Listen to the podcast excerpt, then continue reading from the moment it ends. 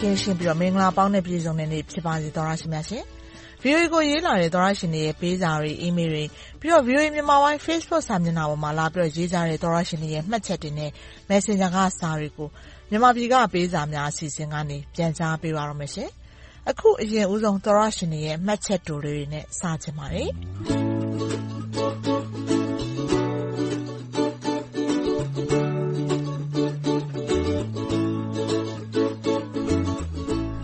ထမဦးဆုံးမြန်မာနိုင်ငံကို ရခိုင်ပြည်နယ်ဘက်က ဝင်ရောက်တဲ့ ဆိုင်ကလုန်းမုန်တိုင်းသင့်ဒေသက ပြည်သူတွေ ပြန်လည်ထူထောင်ရေးတွေ လုပ်နေတာတွေ အဆင်ပြေချောမွေ့ပါစေလို့ ဆုတောင်းပေးချင်ပါတယ်ရှင်။မုန်တိုင်းမဝင်ခင်ကတည်းက ကျမတို့ သတင်းတွေ ထုတ်လွှင့်ပေးနေခဲ့တာ။အဲဒီတုန်းက သတင်းတွေဖော်ပြတဲ့ Facebook Post တွေအောက်မှာတော့ မုန်တိုင်းဘေးလွတ်ကင်းပါစေ၊ဘေးအန္တရာယ်ကင်းရှင်းပါစေကြောင်းဆုတောင်းပေးကြတာတွေကိုတွေ့နေရတာမှာအခုတော့မုန်တိုင်းဝင်တိုက်နေချိန်စိုးရိမ်တကြီးရေးသားလာတဲ့စာတွေအခုနောက်ပိုင်းရက်တွေမှာဆိုရင်တော့နိုင်ငံတကာနဲ့ပြည်တွင်းကကူညီထောက်ပံ့မှုတွေလိုအပ်သူတွေလက်ထဲကိုစိုက်စိုက်မြတ်မြတ်ရောက်အောင်ပို့ဆောင်ကြပါဆိုပြီးပြောလာတာတွေတွေ့ရပါတယ်။မုန်တိုင်းတိုက်ခါစကရေးလာတဲ့သူတွေထဲမှာတော့ရွာကနေအဝေးရောက်နေတဲ့ကိုကျော်စိုးနိုင်က ရခိုင်ပြည်နယ် ပေါက်တောမြို့နယ် မြေငူကျွန်း ခေါ် စံတော်ရှင်ကျွန်းမှာ ကျေးရွာပေါင်း24ရွာနဲ့ လူဦးရေက2000နီးပါး ရှိပါတယ်။ဘင်္ဂလားပင်လယ်အော်ထဲက ကျွန်းမှာမိုခါမုန်တိုင်းကြောင့် ဘယ်သူနဲ့မှဆက်သွယ်မရလို့ပါ။နိုင်ငံတကာ အဖွဲ့အစည်းတွေနဲ့ ကယ်ဆယ်ရေးအဖွဲ့တွေ သိအောင်မီဒီယာကတဆင့် ပြောပေးပါ။အဝေးရောက်နေတဲ့သူတွေ စိတ်အရမ်းပူနေကြလို့ပါ။ဒီစာကို ကျမတွေ့တာ နောက်တရက် ကူးနေပါပြီ။ဒါကြောင့် ကျမလည်း အဆက်အသွယ်ရပြီလားလို့ ပြန်မေးထားလိုက်တာပါ။ချက်ချင်း စာပြန်လက်ခံရရှိမယ်လို့ မျှော်လင့်မထားခဲ့ပါဘူး။ မြန်မာပြည်ကပေးစာအစီအစဉ်ထုတ်လွှင့်တဲ့ရက်ကလည်းမရောက်သေးဘူးဆိုတော့သူ့ကိုလှမ်းမေးလိုက်တာပါ။ဒါပေမဲ့သူချက်ချင်းစာပြန်ရေးလာခဲ့ပါတယ်။ရပါပြီ။တောင်ပေါ်တက်ပြီးဆက်သွယ်ကြလို့ရွာရွာမှာအိမ်၊စာသင်ကျောင်း၊ဘုန်းကြီးကျောင်းအကုန်ပျက်စီးပြီးလူနှစ်သောင်းနီးပါးဒုက္ခရောက်နေပါတယ်။နှစ်ယောက်သေဆုံးတယ်လို့ပြောပါတယ်။ရခိုင်အမျိုးသမီးတယောက်နဲ့မွတ်စလင်အမျိုးသမီးတယောက်ပါ။ကူညီကယ်ဆယ်ရေးကတော့ဘယ်အဖွဲ့မှမလာသေးပါဘူး။ဒါကမုန်တိုင်းဝင်ပြီးခါစရက်တွေမှာရေးထားတဲ့စာတွေပါ။အခုလောက်ဆိုရင်တော့ကိုကျော်စိုးနိုင်ရဲ့ဒေသမှာ ကူညီကယ်ဆယ်ရေးတွေရှင်းလင်းတာတွေလုပ်နေလောက်ပြီလို့ယူဆပါတယ်။မုန်တိုင်းကြောင့်အစပိုင်းမှာသေဆုံးသူအရေအတွက်တရားဝင်ထုတ်ပြန်ချက်အရဆယ်ဂဏန်းပဲရှိပေမယ့်အခုတော့လည်းရာကျော်လာပြီဖြစ်ပါတယ်။ဒေသတွင်းသတင်းတွေအရတော့ဒုက္ခသည်စခန်းတွေပါဝင်သေဆုံးသူကျော်တယ်လို့ပြောနေကြတာပါ။ဒီမှာဌေးဝင်းဆိုတဲ့သောတရှင်က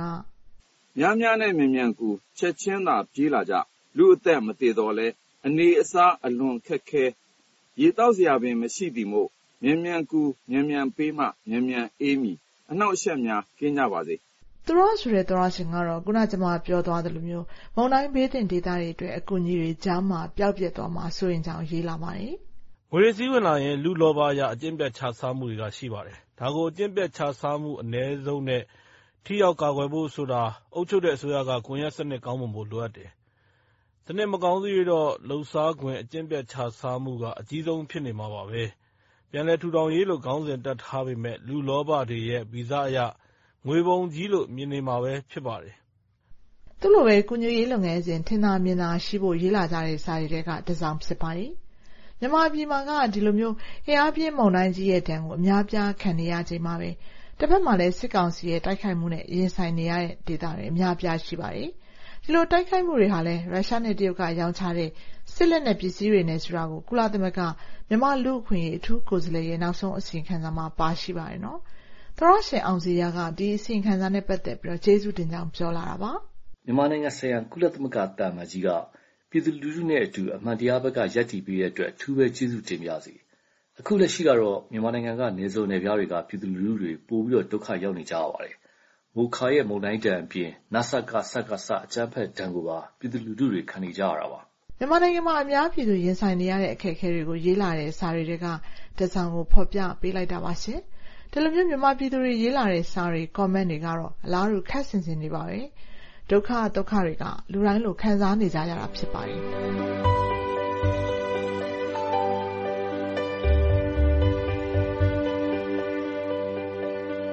အခုဆက်ပြီးရင်ဖွင့်လာတဲ့သောတရှင်တွေရဲ့စာတွေကိုဖော်ပြပေးချင်ပါတယ်။ဒီတပတ်တော့တော်တော်ပြဿနာတက်နေပုံရတဲ့မြဝတီမှာနိုင်ငံကူးလက်မှတ်လျှောက်သူတွေရဲ့စာတွေကိုဖော်ပြပေးချင်ပါတယ်။ဟိုတလောကပဲစာတစောင်ဖော်ပြပေးခဲ့တာမှာအခုစာတွေထပ်ရလို့ဒီကိစ္စများထူးလာမလားဆိုပြီးစာတချို့ကိုထပ်ပြီးဖော်ပြပေးလိုက်ပါတယ်။ကျမနာမည်ထွက်ဖို့ခက်ခဲတဲ့သောတရှင်တယောက်ရဲ့စာလို့ပဲပြောရပါမယ်။သူကအင်္ဂလိပ်စာလုံးလေးတွေရဲ့အပေါ်မှာနောက်ပြစ်၊နောက်ပြီးတော့ အပေါ်ကနေပြီးတော့တခြားဒီဂျာမန်တို့ဘာလို့မှရေးတဲ့အဆက်လေး20လိုမျိုးလဲပါတဲ့အတွက်ကြောင့်မို့ကျွန်မအတန်မထွက်တတ်ပါဘူးเนาะဒီသောရရှင်ကမြောက်ရီမှာ passport လျှောက်တဲ့ကိစ္စသူ့ရဲ့အခြေအနေနဲ့ပတ်သက်ပြီးရေးပြလာတာပါကျမတို့မြောက်ရီမှာ passport လျှောက်တာ12လပိုင်းကသွားလုပ်ပြီးဆက်လက်ကင်ထားတာလေထုတ်ပေးမဲ့နေ့ကိုစောင့်နေတာအခုဆို9လပိုင်းလလယ်ကိုရောက်နေပါပြီရန်ကုန်ရုံမြောက်ရီရုံတွေကိုဆက်သွယ်စုံစမ်းတော့လဲဘာသေးချာရည်ရတဲ့အဖြစ်မျိုးမှမပေးပဲအမျိုးမျိုးပဲပြောနေကြပါတယ် အခုလို12လပိုင်းရှောက်ထားသူတွေအများကြီးမျောလင့်ချက်တွေပျောက်နေရပါတယ်ပြန်လျှောက်လို့လည်းမရဘာမှလုပ်မရနဲ့အခုလိုထစ်နေချိန်မှာနီးအမျိုးမျိုးနဲ့လိန်ညာသူတွေလည်းရှိနေပါတယ်တိကျတဲ့အခြေအနေတစ်ခုခုသိရအောင်ကူညီပေးပါအောင်ရှင်တိကျတဲ့အခြေအနေတစ်ခုသိရအောင်ကူညီပါအောင်လို့ပြောလာပါတယ်နောက်ထပ်သောရရှင်နတီဆိုတဲ့သောရရှင်ကလည်းမြောက်ဝီမှာ passport သွားလုပ်ထားခဲ့သူဖြစ်ပါတယ်12လပိုင်းတုန်းကမြောက်ဝီမှာ passport သွားလုပ်ခဲ့တာပါ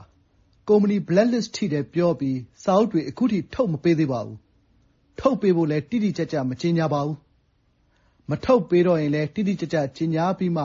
ဆက်လုပ်လို့ရမှာကို အခုက ဘာမှ ဆက်လုပ်လို့မရဘူး။အခွင့်အရေးတွေလည်း ဆုံးရှုံး၊ငွေတွေလည်း ဆုံးရှုံး၊ဘဝတွေလည်း သေးနေပြီ။၁၂ လပိုင်းသမားတွေလည်း ပိုက်ဆံရှိလွန်းလို့ သွားလုပ်ထားတာ မဟုတ်ပါဘူး။အန္တရာယ်တွေကြားထဲက ဘုရားတပြီး သွားလုပ်ထားရတာပါ။သူများနိုင်ငံမှာ အလုပ်သွားလုပ်ခွင့်ရဖို့အတွက်လေ။တောင်းပန်ပါတယ်။တခုခု ထုတ်ပြန်ကြပါဦး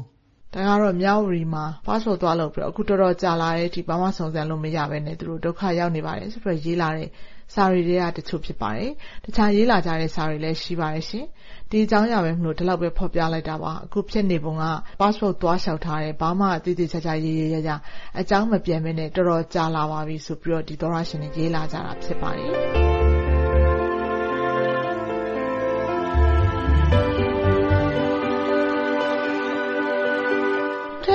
ရင်ဖွင့်လာတဲ့သောရရှင်တွေထဲမှာတော့သခိုင်းတိုင်းကသောရရှင်တယောက်ရဲ့စာကိုဖော်ပြပေးချင်ပါတယ်။သူကတော့အင်တာနက်ဆက်သွယ်မှုလုံးလုံးပြတ်တောက်နေပါတယ်ဆိုပြီးတော့စာရေးလာတာဖြစ်ပါတယ်။သူကမွေးရင်သခိုင်းတိုင်းကဖြစ်ပေမဲ့ထိုင်းနိုင်ငံကိုရောက်ရှိပြီးတော့ဒီစာကိုရေးလာတာဖြစ်ပါတယ်။ကျွန်တော်တို့သခိုင်းတိုင်းမင်းကင်းမြို့နယ်ထဲမှာအာနာမသိန်းရင်ကအင်တာနက်လိုင်းဖုန်းလိုင်းသုံးရတာအဆင်ပြေပါတယ်။အာနာသိန်းပြီးမကြပါဘူး။အင်တာနက်လိုင်းဖုန်းလိုင်းတွေအဖြတ်ခံထားရပါတယ်။ဖုန်းလိုင်းတစ်ခါတလေပြောလို့ရပေမဲ့ အင်တာနက်လိုင်းကတော့ လုံးလုံးမရတော့ပါဘူး။ကျွန်တော်က ထိုင်းနိုင်ငံမှာ အလုပ်လုပ်နေရတာဆိုတော့ အလွမ်းပြေ အိမ်က မိဘတွေဆီကို ဗီဒီယိုကောလေးတောင် မပြောရတော့ အရင် အမေ ဒေါ်အောင်ဆန်းစုကြည် အာဏာရစဉ်က အချိန်တွေကို ပြန်လိုချင်လိုက်တာ။မြန်မာပြည်ကြီး အမြန်ဆုံး ငြိမ်းချမ်းပါစေလို့ပဲ ဆုတောင်းလိုက်ပါတယ် VOA ။သောတရှင်တွေရဲ့ ပေးစာတွေကိုတော့ဒီတပတ် ဒီမှာတင် ရပ်ချင်ပါတယ်ရှင်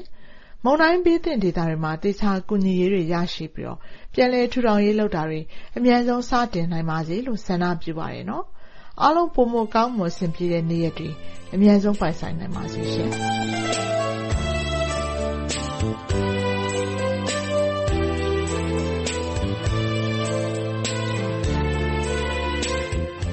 VOA မြန်မာပိုင်းရဲ့ရုပ်မြင်သံကြားနယ်ရေဒီယိုစီစဉ်တင်ဆက်မှုတွေနဲ့ပတ်သက်ပြီးတော့အကြံပေးဝေဖန်ခြင်းနဲ့ပြီးတော့ကိုယ်တိုင်အတွေ့အကြုံနေရတဲ့ဖြစ်ပျက်တွေနိုင်ငံရေးအခြေအနေတွေနဲ့ပတ်သက်ပြီးတော့ကိုယ်ပိုင်ထင်မြင်ယူဆချက်တွေရင်ဖွင့်စာတွေရေးတင်ကြတယ်ဆိုရင်တော့ကျမတို့ VOA ကိုစာရေးသားဖို့ဖိတ်ခေါ်ပါရနော်။ email ကနေစာရေးမယ်ဆိုရင် bami@voanews.com ကို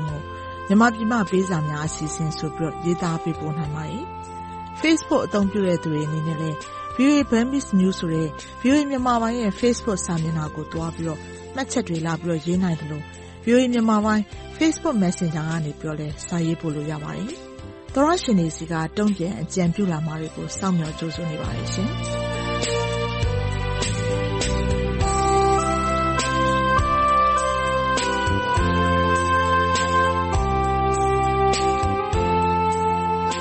မြန်မာနိုင်ငံနဲ့နိုင်ငံတကာကရေးသားပေးပို့လာတဲ့ VOA မြန်မာပိုင်းသောရရှင်တွေရဲ့ဝေဖန်ကြံပေးစာတွေရင်ဖွင့်စာတွေနဲ့ဒေသချင်းတောင်းလွှာတွေကိုတနင်္ဂနွေနေ့ညပိုင်းနဲ့တနင်္လာနေ့မနက်ပိုင်းအချိန်တွေမှာမြန်မာပြည်ကပေးစာများအစီအစဉ်ကနေထုတ်လွှင့်တင်ဆက်ပေးနေပါတယ်။ရေဒီယိုကနေဖမ်းယူနားဆင်နိုင်တဲ့အပြင်ရုပ်မြင်သံကြားကနေပြီးတော့လည်းထုတ်လွှင့်ပေးနေသလို VOA မြန်မာပိုင်း Facebook စာမျက်နှာနဲ့ YouTube စာမျက်နှာတို့ကနေပြီးတော့လည်းထုတ်လွှင့်ခြင်းနဲ့တပြိုင်နက်တည်းတိုက်ရိုက်နားဆင်နိုင်ပါတယ်။ လွှင့်ထုတ်ပေးခဲ့ပြီးတဲ့အစီအစဉ်တွေကို Facebook နဲ့ YouTube ပေါ်မှာပြန်ပြီးတော့နားထောင်နိုင်သလို VOA Internet စာမျက်နှာနဲ့ဖုန်းပေါ်က VOA App တွေမှာလည်းသွားပြီးတော့နားထောင်ကြည့်ရှုနိုင်ပါတယ်။ကျမတို့ရဲ့ VOA App နာမည်က VOA Burmese ဖြစ်ပါတယ်။ကျမတို့ရဲ့ Internet စာမျက်နှာလိပ်စာက burmese.voanews.com ဖြစ်ပါတယ်။ကျမအေးသန္တာကျော်ပါ။ VOA ကိုလည်းစာရေးကြပါအောင်နော်။သောရရှင်တွေအားလုံးဘေးရန်တွေကင်းရှင်းရွှင်လန်းချမ်းမြေ့ကြပါစေရှင်။